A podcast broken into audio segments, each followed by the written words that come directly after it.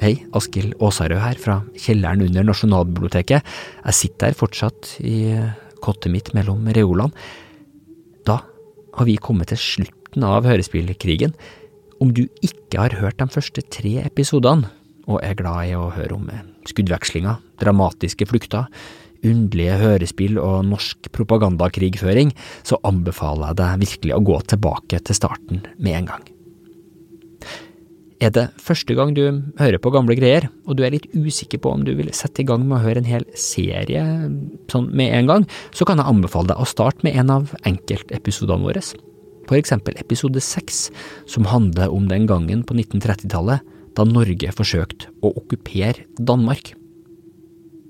Men om du er med videre nå, så skal du få episode fire av Hørespillkrigen. Den har vi kalt Jenta i bæremeisen. Du hører på gamle greier. Hallo. Eh, hei, hallo. Jeg har jeg kommet til Gunn Bekk Hansen? Ja.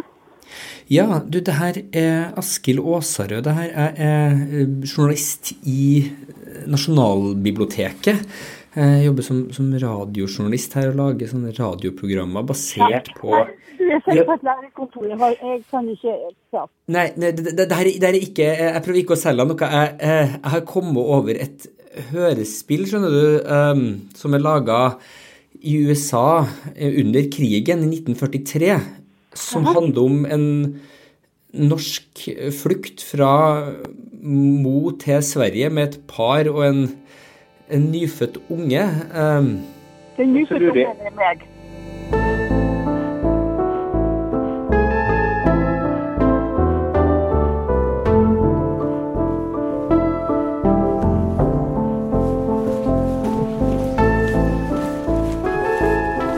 Nedover sentrum av Mo i Rana så laver det store, treige snøflak denne dagen.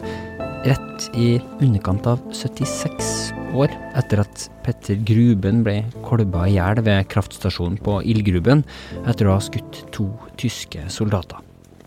Hendelsen som igjen leda nordmann, Molla og Gunn i bæremeisen til å rømme ut i stormen på vei mot Sverige. Og det er også omtrent 76 år etter at Åke Fenn forvandla hele denne hendelsen om til et amerikansk hørespilldrama.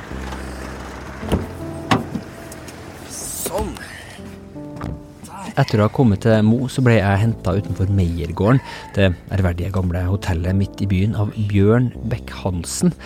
Han kjører meg nå forbi det gamle jernverket og ut mot en av fjellene utenfor byen.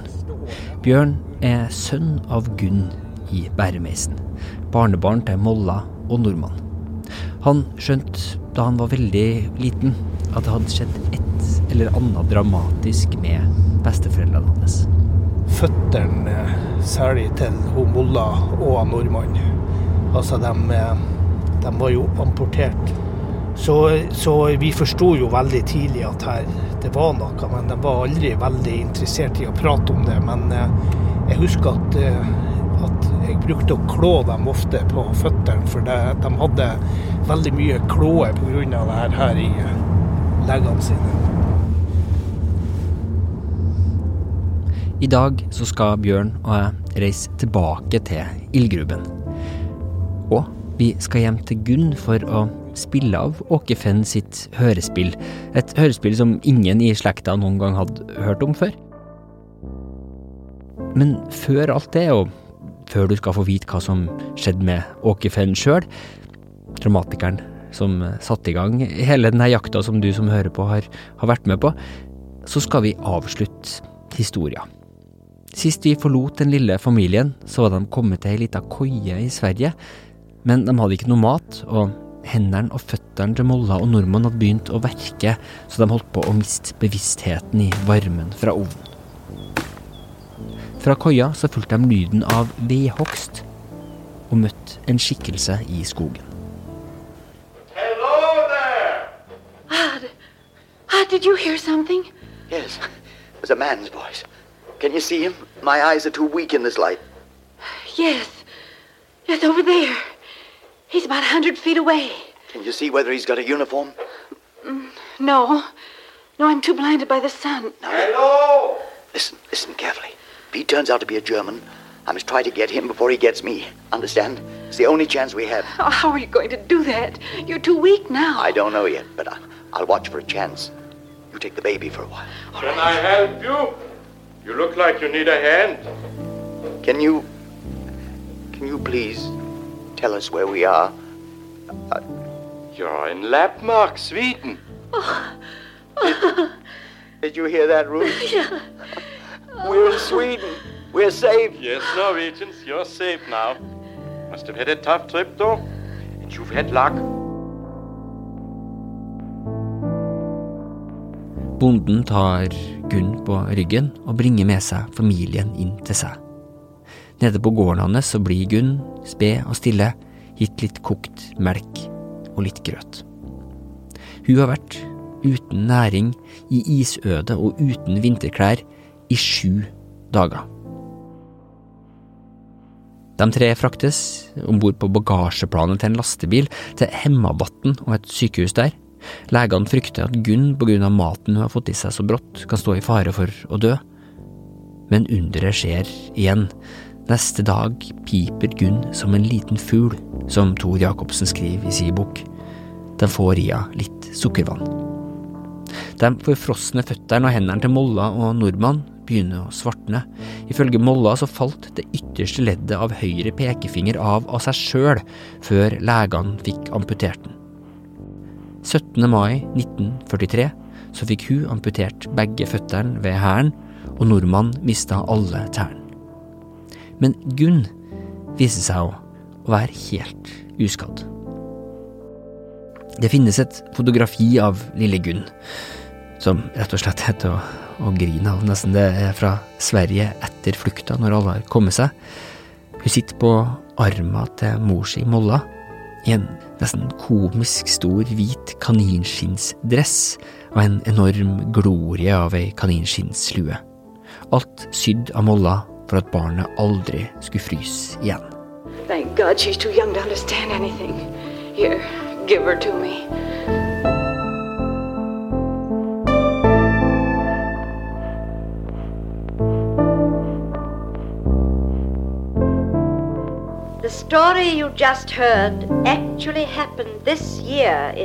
Flukta fra ildgruben foregikk altså mellom 5. og 12. april 1943. Vi har flere Og jeg lette sammen med pensjonert forskningsbibliotekar Carl Erik Andersen gjennom papirene som fulgte med da vinylplatene med radioopptakene kom fra USA til Norge på 1950-tallet. The Spirit of the Vikings For å finne ut når Åke Fens hørespill Norwegian Escape ble sett. Her, her er vi det. The Spirit of the Vikings Drama Norwegian Escape by Åke Fenn. Juni 1943. Juni 1943. Det er kort tid etterpå. 5. april 1943 var det det skjedde. Og så i juni 43 så har de allerede laga hørespill av det. Ja, det er jo ikke mer enn ti av veien, det. Med ski på beina.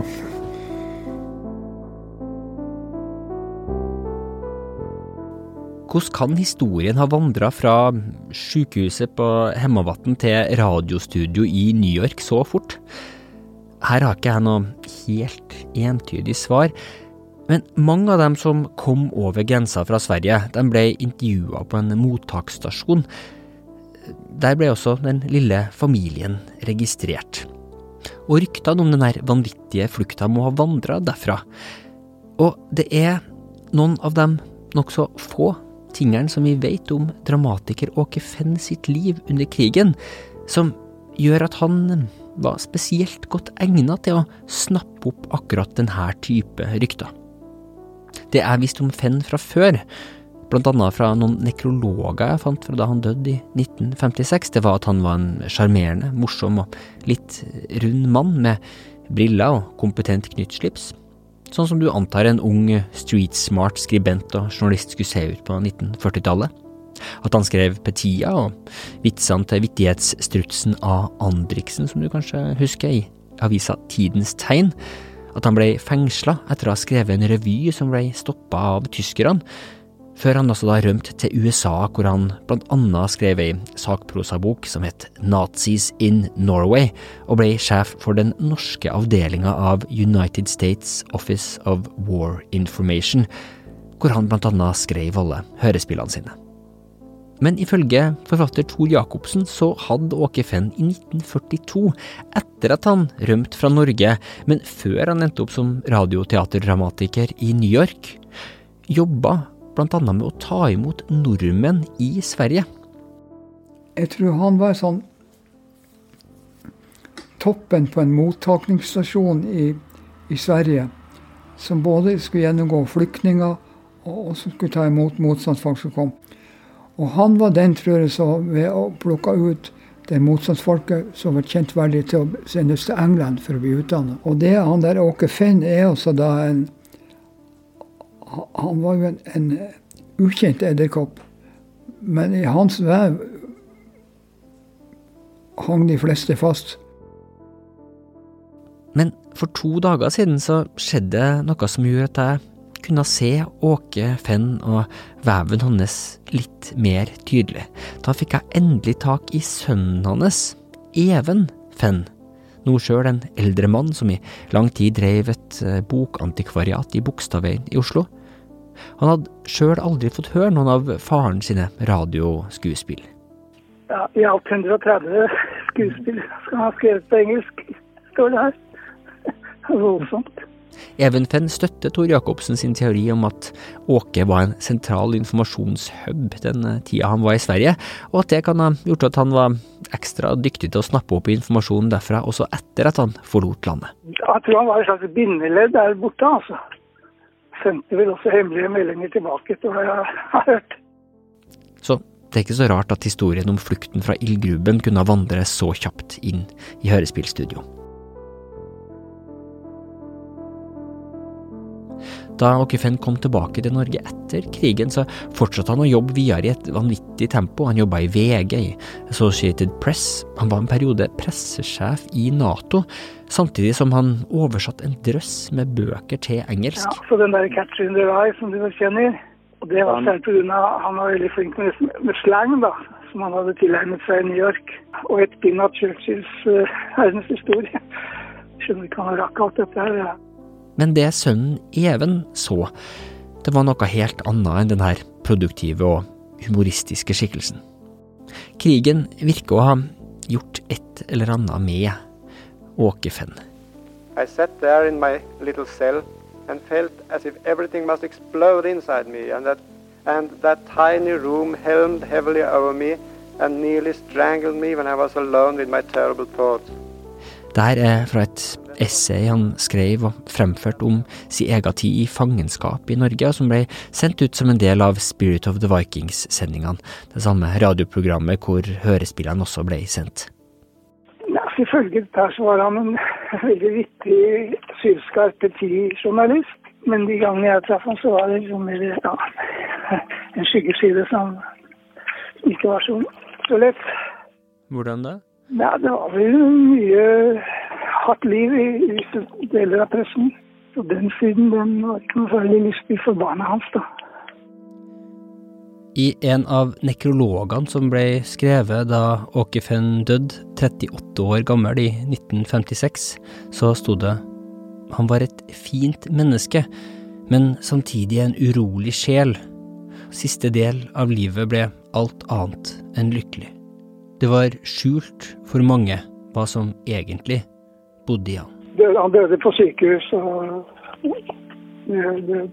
medisinske grunner det er jeg ikke sikker på. Men lever man hardt, så kan det gå utover både det ene og det andre. 19.6 så ble han bisatt i det nye krematorium på Vestre Gravlund i Oslo.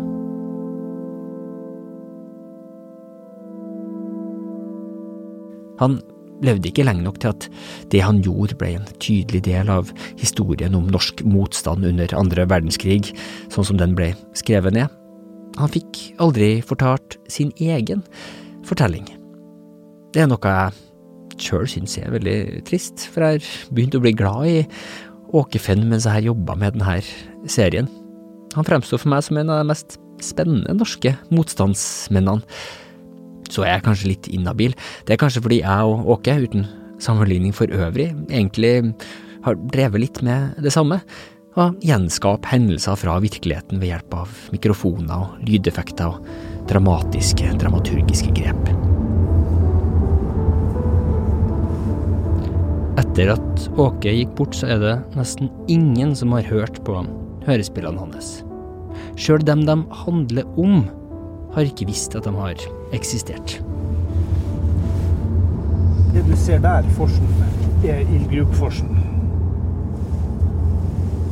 I åssida der? Ja, i ja. åssida så ser du det Kvitneøyene Ja. Det er ildgrupforsen.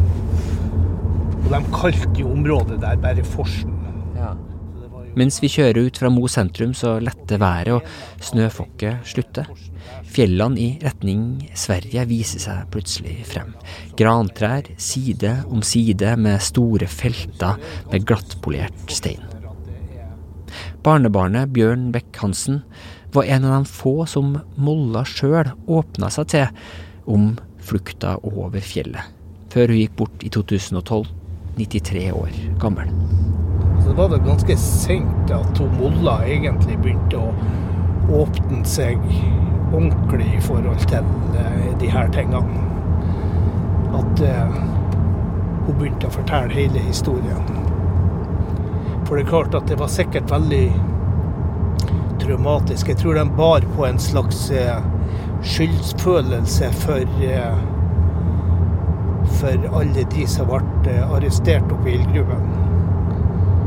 Og likedan så tror jeg at de bar på en slags eh, skam, eller en uberettiget skam, for at de eh, forlot ungen og mista ungen eh, to ganger i løpet av den flukten.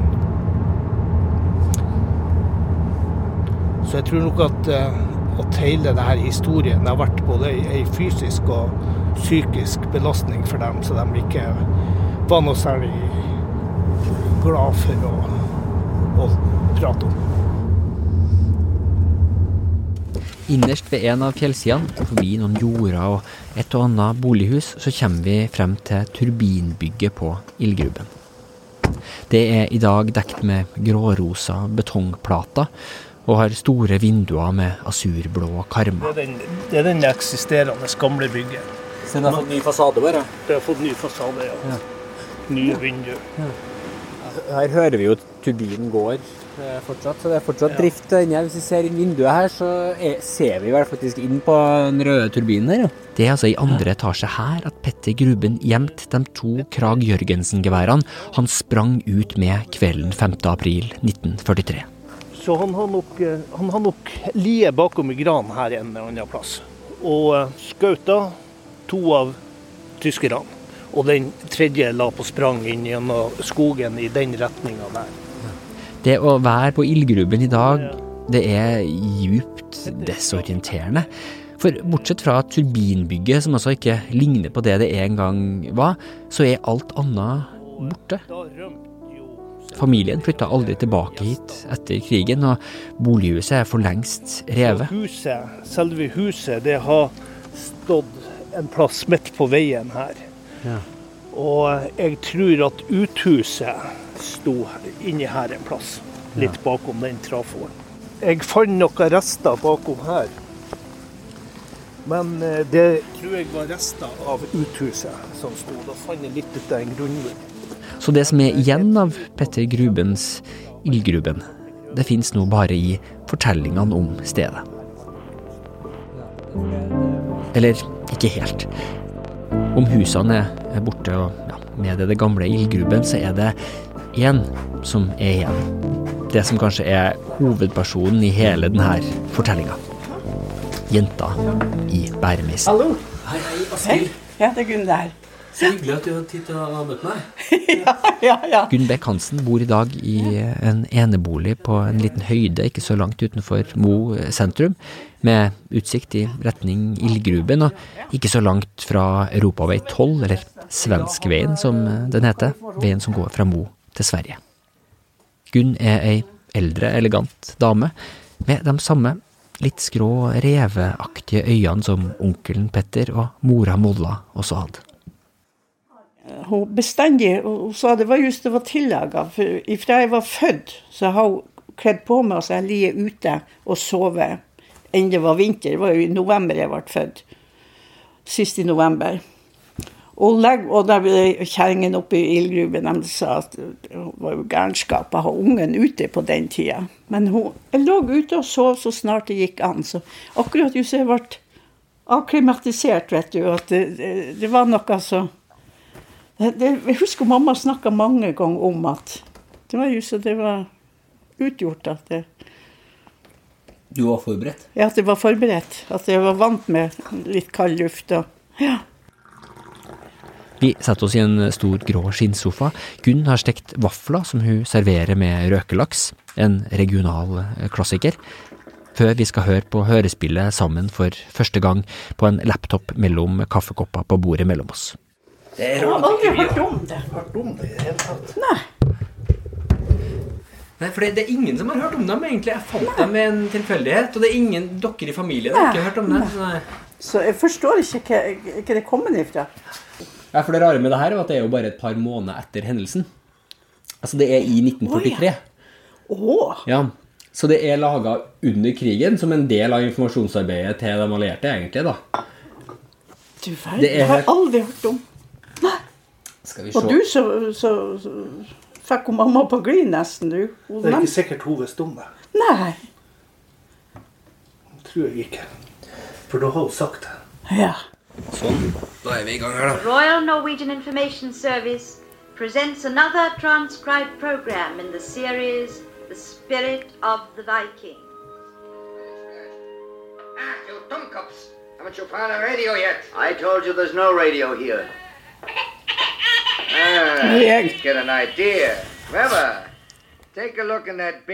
Denne historien om Petter Gruben sitt offer, flukta, det er jo en historie som du som hører på, om du har vært med på hele reisa, kjenner ganske godt. Både den fiktive og den virkelige.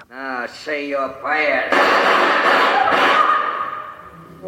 So many refugees never get over those mountains. Yes, yes, I know. I have a friend myself who didn't even try to get over. Fine fellow. His name was Anders. Well, do you think he'll keep his promise and meet us here, Odd? He would, if he could. But I know for certain that he never got out of that room alive. Oh, then he. he sacrificed his own life to save ours. Yes, Ruth.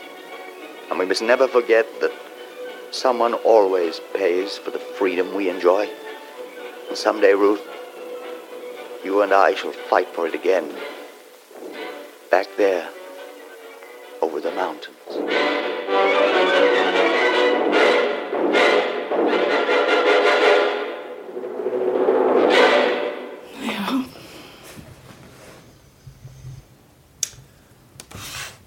Så det er hørespillet, da. Ikke hva du tenkte når du, når du hørte? Nei, det var nå vel ikke riktig sånn. Ikke klarte jeg å skrike, og ikke De var jo borte mange mm, dager, om vi skulle si. De lå bare i koma. Ja. Så det, det har de ikke fått med seg. For meg så er det jo Jeg husker jo ingenting, og, og, så det er nesten bare som et eventyr for meg, faktisk. Men eh, For har du noe, altså, noe merker eller noe etter den, den turen? Jeg har Men det er borte nå. Men jeg har på innsida av lårene her har jeg eh, to merker ut av at jeg selvfølgelig ble våt. Og en sånn her store merker. Men det er blitt borte nå. Ja, det var sånn at hua var litt eh, Ja, det er sikkert lie med våte bleier, eller at det har blitt kaldt, eller vet ikke. Ja. Det er det eneste jeg har. Ha. Det, det er detaljer der som, som, eh, som gjør at det er en, det, dem er nødt Altså som stemmer. Som eh, tilsier at det er dem som er nødt til å ha Sagt det. Ja. F.eks. det at de smelter snø i bunnen. Og, Ja, det gjorde de jo. Men det klarte ikke å og skrike. at de eh, Nei da.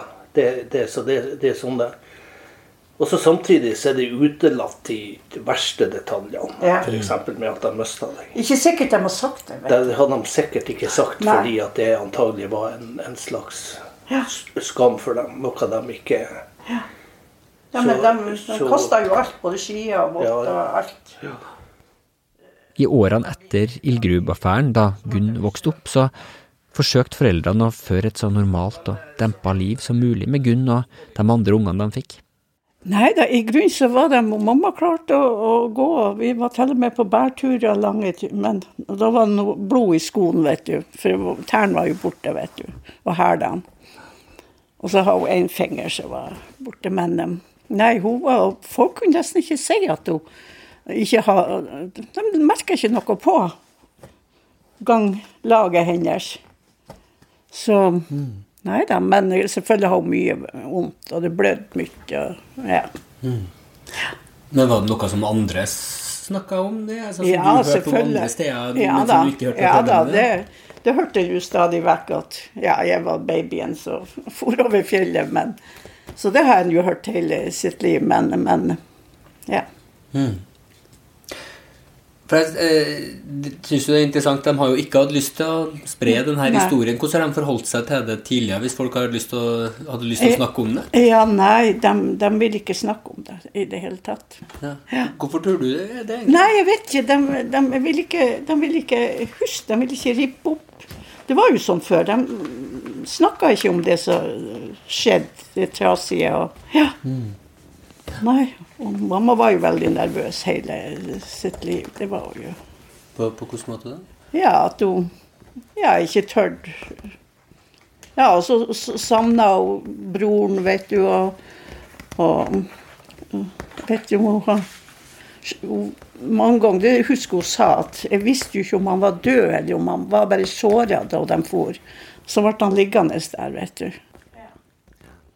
Om det kom folk som forsøkte å få Molla og nordmannen til å fortelle historien, eller som ville dramatisere den på en eller annen måte, så ble de alltid avvist.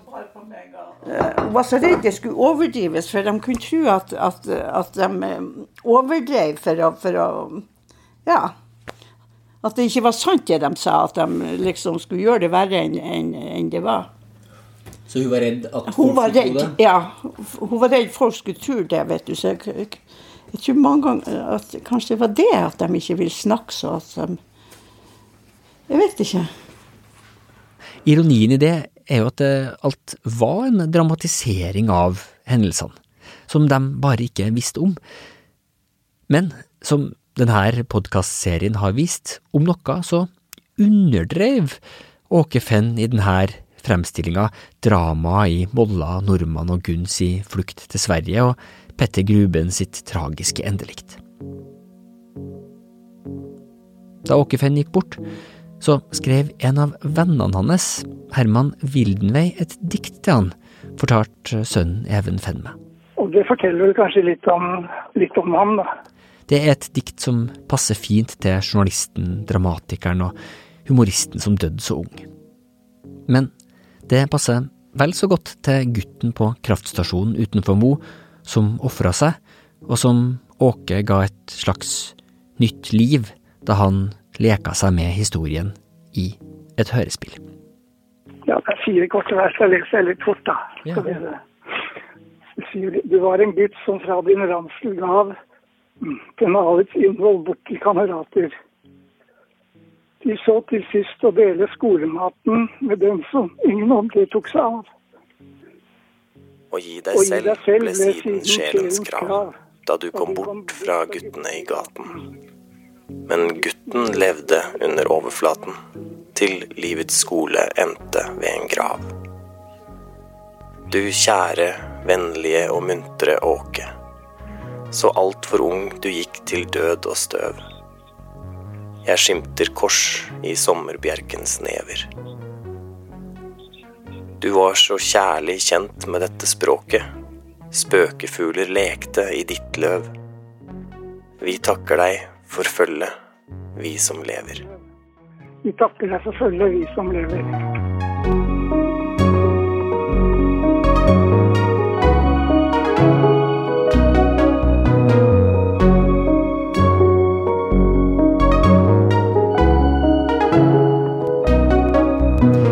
Sjøl høre Åke Fenn sine utallige hørespill og resten av Spirit of the Vikings-sendingene, så kan du hjemmefra gå inn på nb.no og lete deg frem til Kringkastingsarkivet. Trykk på Søk i digitaliserte radioprogram, og slå deg løs. Hørespillet om ildgrubeaffæren, heter Norwegian Escape. Den podkastserien her, den hadde ikke vært mulig å fortelle uten hjelpa fra Gunn og Bjørn Beck Hansen, som har vært villige til å dele all informasjonen de har samla og organisert om hendelsen. Takk også til Tor Jacobsen og hans definitive bok om ildgrubeaffæren. Den heter 5. april 1943. Tusen takk også til Even Fenn for å hjelpe meg å forstå faren hans litt bedre. Musikken du hører i bakgrunnen nå, den er spesialkomponert for gamle greier av Therese Aune. Om du som meg liker den musikken, så finner du mer av den på en strømmetjeneste nær deg, og inne på thereseaune.com. Vildenvei-diktet det var lest av Jørn Arild Grefsrud.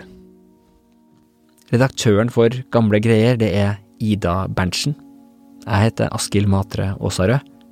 Vi høres.